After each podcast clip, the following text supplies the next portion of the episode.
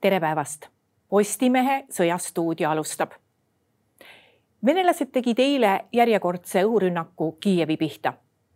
kuigi Ukraina õhutõrje suutis selle rünnaku üsna edukalt tõrjuda, ütleb Ukraina president ometi, et tegelikult on raske. eriti raske on rindel, kus iga meeter võidetakse kätte väga keerulistes tingimustes meil on stuudios Rahvusvahelise Kaitseuuringute Keskuse juht Indrek Kannik, tere päevast. tere päevast no enne kui me läheme konkreetsete sõjauudiste juurde, siis äh, Venemaal juhtus väga huvitav olukord. nimelt president Putin jättis ära oma iga-aastase pressikonverentsi. miks? no raske on leida muud põhjust kui see, et ei ole seda sõnumit esitada, mida ta tahaks esitada. et sõda ei ole ju Venemaa jaoks ilmselgelt läinud nii, nagu Venemaa lootis. Venemaa lootis selle sõja lõpetada nädalatega, maksimum kuu-kahega ja saavutada oma sõjalised eesmärgid, sellest ollakse kaugel. tegelikult on ka nendest territooriumitest, mida Venemaa siis peale kahekümne neljandat veebruarit suutis vallutada Ukrainast, tänaseks üle poole uuesti ukrainlaste poolt vabastatud ja strateegiline initsiatiiv on pigem ikkagi jätkuvalt Ukraina käes. ja no ega majanduses ka hästi ei lähe, majandusnumbrid lähevad alates sügisest selgelt halvemaks ja, ja prognoos on pigem see, et uuel aastal hakkavad veel halvemaks minema kas see näitab ka seda, et äh, Venemaa presidendil läheb järjest keerulisemaks manipuleerida selle inforuumiga, mis äh, Venemaa inimestel tarbida on, et isegi seal, kus iga sõnum on kontrollitud, on üsna raske selgeks teha, et tegelikult meil läheb hästi, me ajame õiget asja. ja ma võrdleksin seda olukorda võib-olla sellise seitsmekümnendate lõpu, kaheksakümnendate alguse Nõukogude Liiduga, kus noh, jah, inforuum on täiesti kontrollitud, et sa võid öelda kogu aeg ükskõik mida ja, ja ega teist infot nagu suurde meediasse ei pääse. aga noh, Venemaa juhtkonnale ja Putinile on tähtis, et arvestatav protsent inimestest ikkagi ka enam-vähem vähemalt usaldaks seda juttu. ja ma arvan, et praegu nagu mõnes mõttes on just see moment, kus käärid reaalsuse ja, ja, ja Venemaa meedia poolt pakutava vahel hakkavad minema liiga suureks inimeste jaoks ja liiga paljude inimeste jaoks. no ega me ju ka päris täpselt ei tea, kui eh, heas seisus on president Putin selleks, et olla seal, no need pressikonverentsid olid päris pikad ju, et olla seal eh, üsna pikka aega ajakirjanike silme all jah, me ei tea seda täpselt, aga ma võib-olla selle teema jätaksin praegu kõrvale, et et kuna me sellest liiga palju ei tea, siis pole mõtet siin Putini tervise üle spekuleerida, et, et pigem jääme selle juurde, mida me saame enam-vähem analüüsida, et kuidas Venemaal läheb ja kuidas Putinil ja tema valitsusel läheb poliitiliselt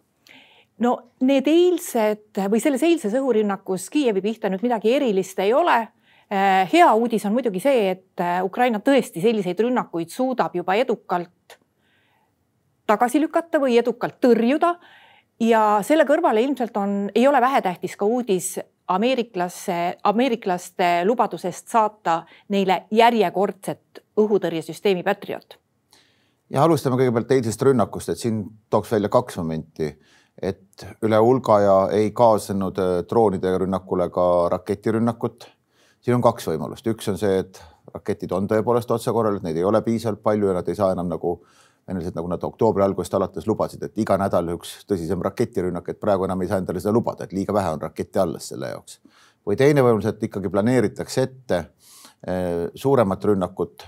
vaadati ka selle operatsiooni käigus, kus Ukraina õhutõrjekompleksid asuvad ja, ja lähipäevadel noh, kartus on, et enne, enne Euroopa jõulusid ikkagi venelastelt veel üks suurem rünnak tuleb kui vaadata seda, mis rindel toimub ja mille kohta tõesti Ukraina president on öelnud, et seal on väga raske, siis äh, on tulnud sõnumeid, et venelased võivad intensiivistada rünnakut äh, Donbassi piirkonnas. kas, kas neil on neil selleks ikka jaksu? ma enne unustasin jälle küsimuse teise poole ära patriotide kohta, et jah ja,, et ähm, on antud suhteliselt selgesõnalisi signaale, et ameeriklased on nüüd lähedal selle otsuse tegemisele, et, et üks patriotide kompleks antakse üle, see oleks nagu palju moodsam, palju uuemal tasemel õhutõrjetehnoloogia, kui siiamaani on antud, aga eile õhtul tuli jälle selline kergelt pidurdav signaal, et Biden loodab enne, et mitmed tingimused on täidetud, ta tahab näha, mis USA Pentagoni võime seda ette valmistada on Ukraina sõjaväge selleks, nii et, et, et, et seda kindlat jah ikka veel ei ole, mulle tundub, et Washingtonis on endiselt teatud võbeluses selles osas. aga ma kirjuta, küsiksin siia juurde, kui sa juba meelde tulitasid, et me sellest räägiksime. Eh, miks see Patriot nii hea on, miks see Ukrainale nii väga tähtis on?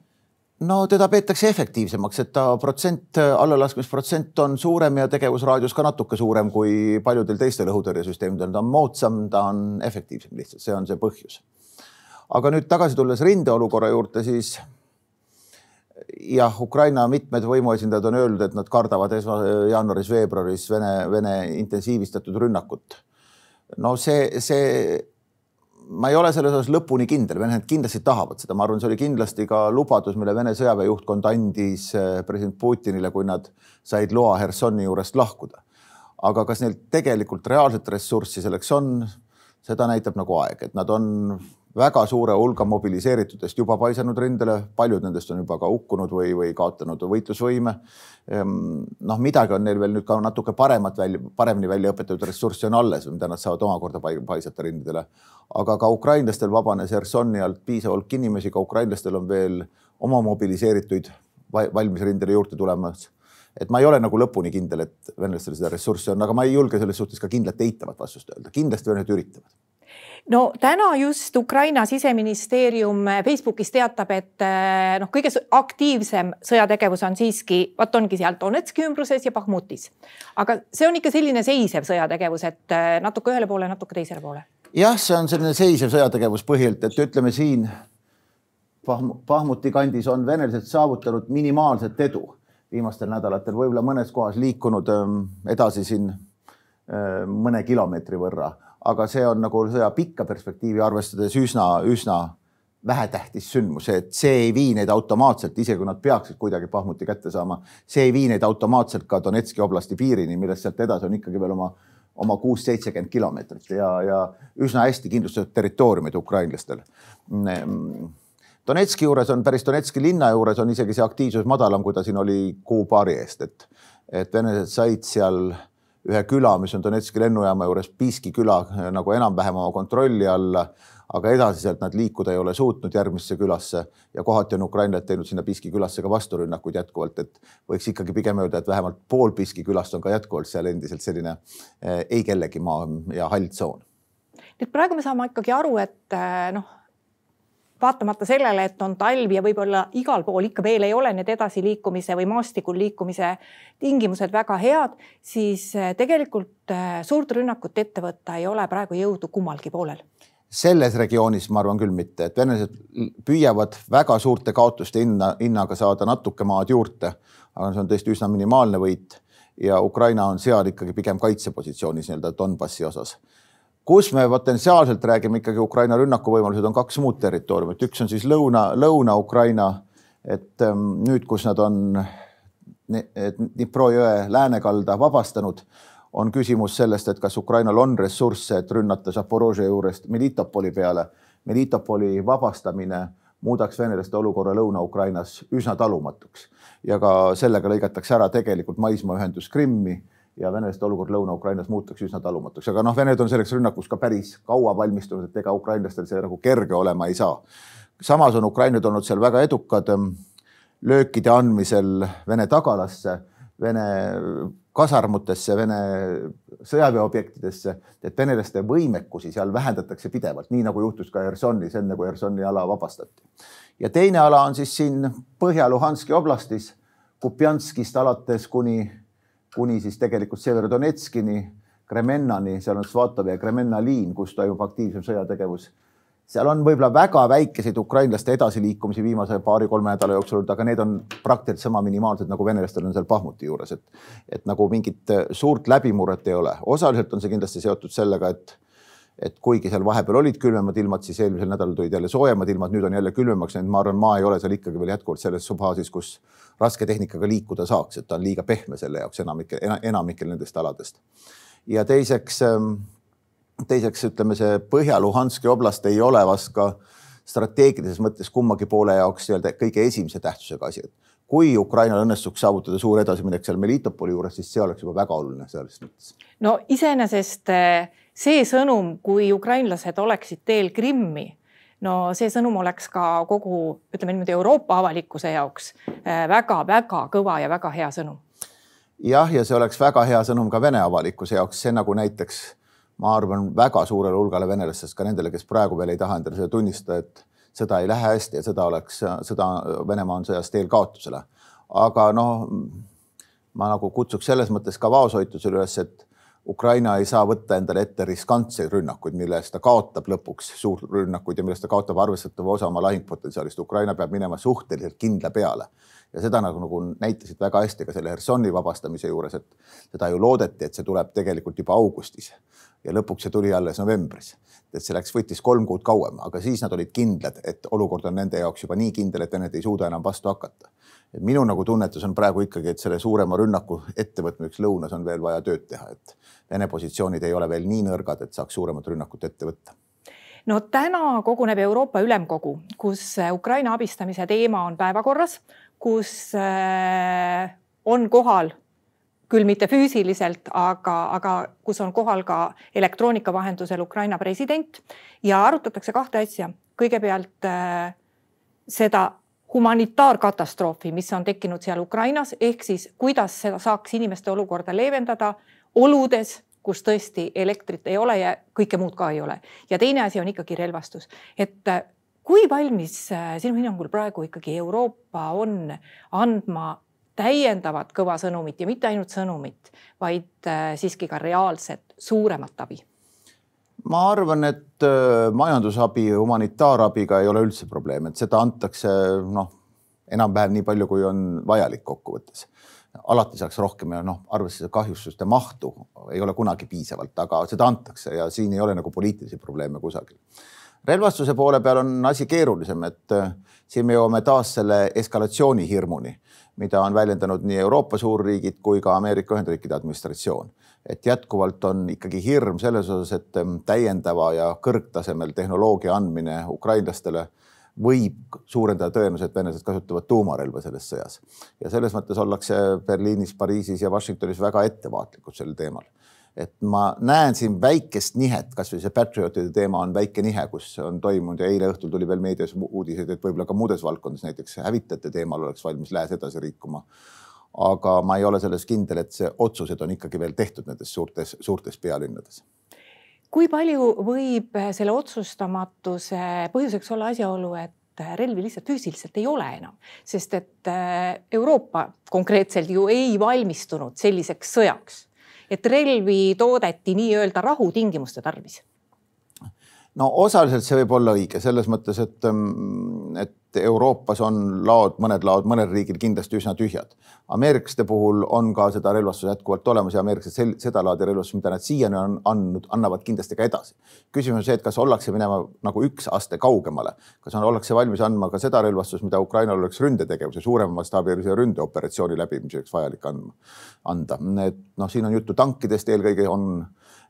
suurema tegevusraadiusega rakettidest olnud juttu. Äh, samamoodi oleks kindlasti väga kasulikud äh, hävitajad, moodsad lääne tüüpi hävitajad ja vot sellel puhul on praegu see psühholoogiline piir endiselt ületamata lõplikult. no ütleme, sellised julgemad analüütikud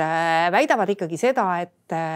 peaks väga julgelt laskma kanduda sellel sõjal Venemaa territooriumile. no tõenäoliselt mõeldakse ikkagi raketirünnakuid, mitte et see rindejoon nüüd füüsiliselt liiguks Venemaa territooriumile mis selle vastu kõneleb? no selle vastu kõnelebki ainult äh, lääne hirm Venemaa potentsiaalse tuumaröögi vastu puhul. aga noh, see sõda on tegelikult Venemaa territooriumile läinud ukrainlased on äh, ju korduvalt erinevaid militaarobjekte ja ka infrastruktuuriobjekte nagu naftabaase Venemaa territooriumil rünnanud, nad jätkavad kindlasti selle tegemist, kuna noh, seda kasutatakse otseselt nende vastu, neid objekte. Samas ma ei usu, et ukrainlastel oleks mingitki soovi rindejoont kusagil nihutada Vene territooriumile. jah, seal võivad käia mingil puhul, ütleme ukrainlaste mm, erioperatsioonide üksused üle, aga nendel on ka mingi üks konkreetne kindel ülesanne ja pärast selle ülesande täitmist nad naasevad oma territooriumile. Ukraina ei kavatse Venemaad vallutama hakata, see, see ei ole Ukraina huvides, mida nad selle maaga peale hakkaksid. just ja et ühesõnaga, et äh, kui sõda lõpeb ukrainlaste jaoks positiivselt, siis ta lõpebki täpselt siis, kui see rindejoon on Ukraina riigi tervikliku Ukraina riigi territooriumi piiridel. just, kui Vene väed on lahkunud Ukraina territooriumilt, nii nagu Ukraina üheksakümne esimesel aastal oma iseseisvuse saavutas, kaasa arvatud Krimmist ja, ja Donetski linnast ja Luhanski linnast vot üks huvitav väljaütlemine, no Venemaalt tuleb, tuleb neid igasuguseid, aga üks huvitav väljaütlemine tuli Venemaa välisministeeriumi esindajalt, kui ta väitis, et noh, et kõik see relvasaadetis, mida lääneriigid Ukrainale annavad, et noh, põhimõtteliselt äh, me taunime seda ja me ka likvideerime selle, ma ei saanud küll väga hästi aru, et missuguste vahenditega, aga see on ikka selline tavaline Venemaa sõnum. seda on öeldud see algusest peale, seda sõnumit ja, ja eks loomulikult osa tehnikast, mis ukrainlastele antud, ongi venelaste poolt hävitatud sõja käigus, aga noh, samas tuleb tunnistada, et nii-öelda neid kroonijuveelidele nad ligi pole pääsenud, et vähemalt veel eile nägin ma uudistes infot, et ühtegi Himarsi kompleksi ei ole venelastel õnnestunud hävitada. see konkreetselt käis nüüd jälle selles suhtes, et kui USA peaks andma Patriotid, siis venelased likvideerivad selle, ma kahtlen nende võimekus seda likvideerida nüüd sõja see teine pool, just see, selle piirkonna ülejäänud Ukraina pool ehk siis piirkonnad, mis ei ole otseselt sõjas, aga kus inimesed peavad elama praegu ei ole, noh, venelased jätkavad raketirünnakutega ja droonirünnakutega tõesti, aga nagu sa alguses ütlesid, et see võimekus hakkab otsa saama. kas me võime sellele loota, et et noh, et nad ei suuda seda olukorda õhurünnakutega erinevatesse paikadesse, kus otseselt sõda ei ole, sinna nii-öelda tagalasse, et nad ei suuda seda olukorda oluliselt halvendada. et, et miks ma seda küsin, no kogu aeg on ju õhus seesama küsimus, et kas järjekordsed inimesed on sunnitud Ukrainast lahkuma, sest elada ei saa seal, kus ka seal, kus otseselt sõda ei ole. ja selle põhjuseks ongi need pidevad rünnakud, mis on ju sõna otseses mõttes käinud kogu Ukraina territooriumi pihta. kas me võime täna vaikselt loota, et sellist massilist rünnakut enam venelased ei suuda teha? no ma arvan, et nad ikka mõned veel suudavad teha, küsimus on, kui palju Ukraina suudab nendest rakettidest alla lasta enne, enamuse suudab, aga need, mis läbi teevad, tekitavad ikkagi järje, jälle teatud kahju Ukraina infrastruktuurile ja ja noh, tundub, et Ukraina energeetikasüsteem on ikkagi üsna napil piiril toimib praegu, et, et täiendavad kahjud võivad olla üsna fataalse tagajärjega ja pikendada seda aega, kui asju õnnestub uuesti parandada. et selles mõttes oht ei ole nagu möödas, et Ukraina, Venemaa ei suuda nende operatsioonidega kindlasti muuta olukorda rindel, aga nii-öelda inimlikku, inimlikke kannatusi Ukraina elanikele suudab ta kindlasti veel kahjuks tekitada? No tõenäoliselt me ei saa väga kindlalt väita, et sealt uued inimmassid liikuma ei hakka, sest et talv on ju alles alanud. Me ei saa seda kindlalt väita, kuigi nagu mõningad signaalid viitavad sellele, et võib-olla see migratsioonilaine nii suur ei ole tulemas, nagu on kardetud, et kui vaadata kasvõi erinevaid küsitlusi, mida Ukrainas on tehtud, siis vist ainult seitse protsenti inimesi on öelnud, et nad nii-öelda olukorras, kus elekter peaks nende kodus kaduma lõplikult, on valmis mm, lahkuma välismaale. et väga paljud inimesed, nagu ma näiteks aru saan, kasvõi Kiievis on võtnud selle taktika, et et on kõigil kas endal või on siis lähedastel tuttavatel olemas mingid maamajad Kiievi lähedal. et kui toimub järjekordne suuremat sorti rünnak, mis jätab linna elektrita või mingid osad linnast elektrita ja siis nad äh, lähevad mõneks päevaks, nii kuni elekter naaseb Kiievisse jälle sinna maamajasse, et noh, seal ei ole ka kerge, aga noh, maamajas on ilma elektrita kergem, sa saad kaevust võtta vett ja, ja, ja kõik nagu enam-vähem toimib, nii nagu inimesed elasid sada aastat tagasi, ütleme, saab toimida kahekümne kaheksa korrulises korterelamus Kiievis, kui sa oled kahekümne kaheksandal korrusel, sul ei ole elektrit, lift ei tööta, vett ei ole ütleme, sul on väiksed lapsed, kellega sa peaksid käruga liikuma, noh, see ei ole võimalik, võimalik, võimalik elada, et noh, sellisel noh, nad on leidnud väga leidlikud, kuidas lahendada seda olukorda. no seda aastat on järele jäänud ainult kaks nädalat veel, paar päeva peale eh, võime vist öelda, et sellel aastal enam midagi väga olulist tõenäoliselt ei toimu või kuidas see, kuidas seda ajaperspektiivi üldse no, vaadata? vaadates venelaste ajaperspektiivi ja teades nende nii-öelda sümboliväärtusega asju, siis noh, ma kardan, kaldun kartma, et nad üritavad ühte suuremat raketirünnakut kindlasti veel, et eh, teha jõulude ja uue aasta vastuvõtt ukrainlaste jaoks võimalikult ebamugavaks. jõulud võivad olla veel eraldi teema, kuna esimest korda vähemalt osa Ukraina õigeusklikest hakkab jõulusid tähistama Euroopaga samal ajal ehk kahekümne neljandal, kahekümne viiendal, kahekümne kuuendal detsembril, mis on venelaste jaoks jällegi poliitiline signaal Vene ruumist eemale liikumise osas, nii et see võib olla nende jaoks ahvatlev, ahvatlev kuupäev teatud mõttes aga rinde osas jah, ma pigem kaldun sellele poole, et suuri muutusi rindel nüüd selle alles jäänud viieteist päevaga ei toimu muide, Venemaa teatas ka, et ta hakkab oma relvajõude üle vaatama, et kas see on mingi tavapärane ülevaatus või nad tahavad tõesti lõpuks sotti saada, et mis neil nüüd selle kümne kuu ja kuuga alles on jäänud? ma arvan, et nad teevad selliseid avaldusi kogu aeg, sellest ei maksa eriti midagi välja lugeda. millal võiks tulla noh, jättes kõrvale need Venemaa võimalikud õhurünnakud, millal võiks tulla ikkagi veel kord ajaperspektiivi vaadates järgmine suurem hea aeg lahingutegevuseks? no kindlasti on Ukrainas selline kuu-pooleteistkümneline periood kusagilt veebruari, jaanuari keskpaigast lõpus kuni märtsi keskpaigani, kus enamikus kohtades on maa külmunud, päris lõunas ei tarvitse see nii olla. ja, ja see oleks nii-öelda tehnilises mõttes sõjapidamiseks nagu hea aeg. et venelased nagu eelmisel aastal võib-olla tegid ka selle vea, et nad magasid osaliselt selle aja maha, et, et mina ise arvasin, et, et nende rünnak toimub veidi varem, et seda talveaega oleks rohkem võimalik kasutada, kuna alates märtsi keskpaigast hakkab ikkagi paljudes kohtades jälle see maa minema väga pehmeks ja rasketehnika kasutamine muutub problemaatiliseks. Ja noh, siis uuesti tekib see võimalus kusagil aprilli lõpus, kus, kus, kus saabub kevad, suur kevad ja meie mõistes juba suvi peaaegu. No järjest rohkem on hakatud rääkima, et tuleks vaadata ka, mis saab pärast selle sõja lõppu. Ja kõik need rääkijad ei mõtle sugugi, et selle jutuga peaks mõjutama Ukrainat rahuläbirääkimistele, aga peaks lihtsalt mõtlema järjest rohkem riike on tõstatanud küsimuse, et Venemaa tuleks kuulutada terroristlikuks riigiks, viimati tegi seda Poola. Eh, kui tähtis see on ja miks see on tähtis? ma olen sellega väga nõus, et tegelikult tuleb mõelda ka sõjajärgsele maailmale, et, et me ei tohi korrata neid vigu, mida tehti üheksakümnendatel peale külma sõja lõppu, kus Venemaa tegelikult nii-öelda ilma adekvaatseid tingimusi täitmata lubati eh, võeti avasüli vastu maailma rahvaste perre ja hakati temaga suhtlema nagu võrdväärse ja nagu normaalse riigiga. et ähm, ükskõik, kuidas seda lõpeb, kas venelased saavutavad mingid oma eesmärgid või nad ei saavuta neid üldse oma neid eesmärke, siis pärast seda peab Venemaa suhtes olema ikkagi erakordselt ettevaatlik. et isegi kui Venemaal tuleb lühikeseks perioodiks võimule keegi liberaalsem valitseja siis meil ei ole mingeid garantiisid, et see jälle ei lähe kümnekonna aasta pärast tagasi samasse, samasse arengusuunda, nagu Venemaa on olnud aastakümneid ja ei muutu järjekordselt imperialistlikuks ja erakordselt agressiivseks riigiks oma naabrite suhtes. et selle peale tuleb mõelda ja noh, siin on probleem selles, et ega me siin tegelikult, kui me oleme enam-vähem ühtsed, ma arvan, läänes selles, kuidas täna käituda, noh väikeste nüanssidega, siis selles suhtes ma arvan, selle ühtsuse saavutamise on ikka veel üsna pikk maa, et ma olen üsna kindel, et seda vaadet, mida meie regioonis peetakse üsna normaalseks ei jaga kaugeltki ilmtingimata Saksamaa, Prantsusmaa, võib-olla isegi Ameerika juhtkond. nojah, ja siin on ju ka neid majanduslikke ahvatlusi eh, päris palju, sest et eh, noh, sa võid ju põhimõtteliselt jah, deklareerida igasuguseid seisukohti, aga kui sul on võimalik osta Venemaalt loodusvarasid hoopis odavama hinnaga kui kusagilt mujalt siis tahaksid ju kõik saada odavat gaasi. no nii ta on, nii ta on ja, ja, ja selle tagajärg, nagu me nüüd näeme, on olnud see, et oli ikkagi väga arvestatav gaasisõltuvus osades ja paljudes Euroopa riikides Venemaast, et, et seda tuleb igal juhul vältida. no meie siin Eestis oleme ju näinud, et äh, me nägime juba pronkssõduri teisaldamise ajal, kui väga paljud ettevõtted, kes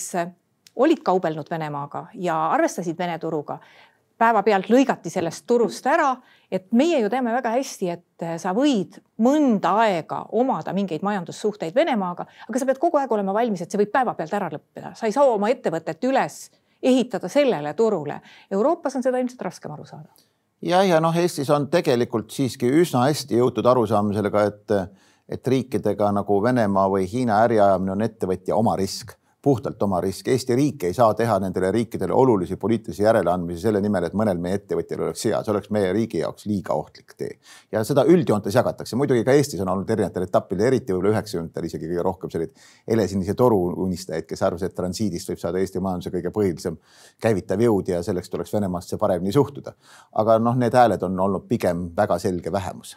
Saksamaal, Prantsusmaal nagu, nagu sai öeldud, on see kindlasti jälle palju keerulisem. aitäh Indrek Kannik tulemast saatesse.